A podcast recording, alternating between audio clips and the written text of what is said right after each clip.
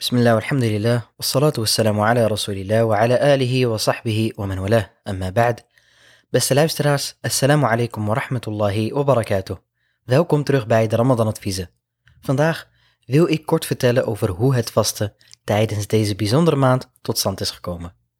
En dat ga ik doen door jullie mee te nemen naar deze profetische tijd. Want ik ben ervan overtuigd dat we dan inzien hoe barmhartig dit geloof is. En het is tegelijkertijd een mooie inleiding om mee te beginnen. Het vasten dat wij vandaag de dag kennen is een eindstand van vier fases. Het begon als volgt. Quraysh, die in Mekka woonde, was gewend om de dag van Ashura te vasten en zo ook de profeet alayhi salatu wassalam.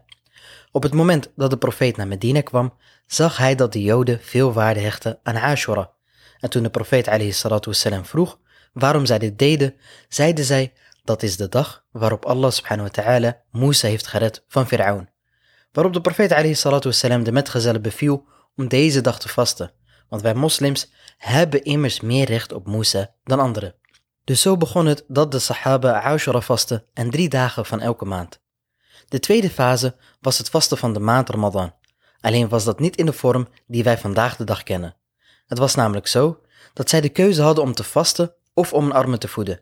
En het beste was natuurlijk om te vasten. Dit kwam omdat de mensen van Medina, oftewel de Ansar, nog niet gewend waren aan deze aanbidding. En voor velen was het vasten in het begin zwaar. En dit was zwaar omdat de manier van vasten in eerste instantie verschilde van de manier hoe wij vandaag de dag vasten. Dus de tweede fase kan je zien als een voorbereiding op dat wat komen gaat. En dat is het verplicht vasten. Want de derde fase is dat iedereen verplicht was om te vasten, behalve de uitzonderingen die we vandaag de dag ook kennen.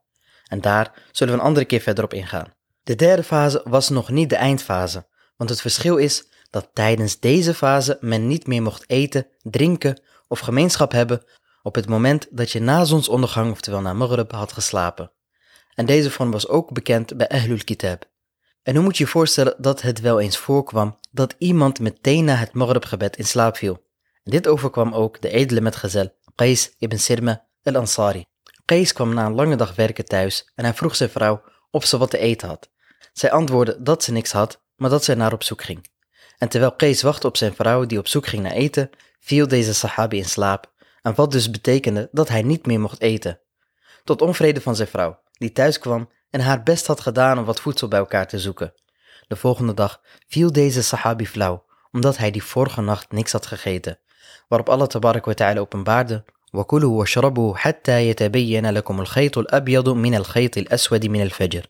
Oftewel, en eet en drinkt totdat het fajr is. En op die manier was het vaste dat wij vandaag de dag kennen een feit. Men mocht eten van zonsondergang tot het fajr. Ik hoop dat middels deze uiteenzetting we wat meer begrip hebben over hoe deze aanbidding tot stand is gekomen. En dat als we de verzen horen in Surat al-Baqarah die gaan over het vasten van Ramadan, dat we nu een betere context hebben.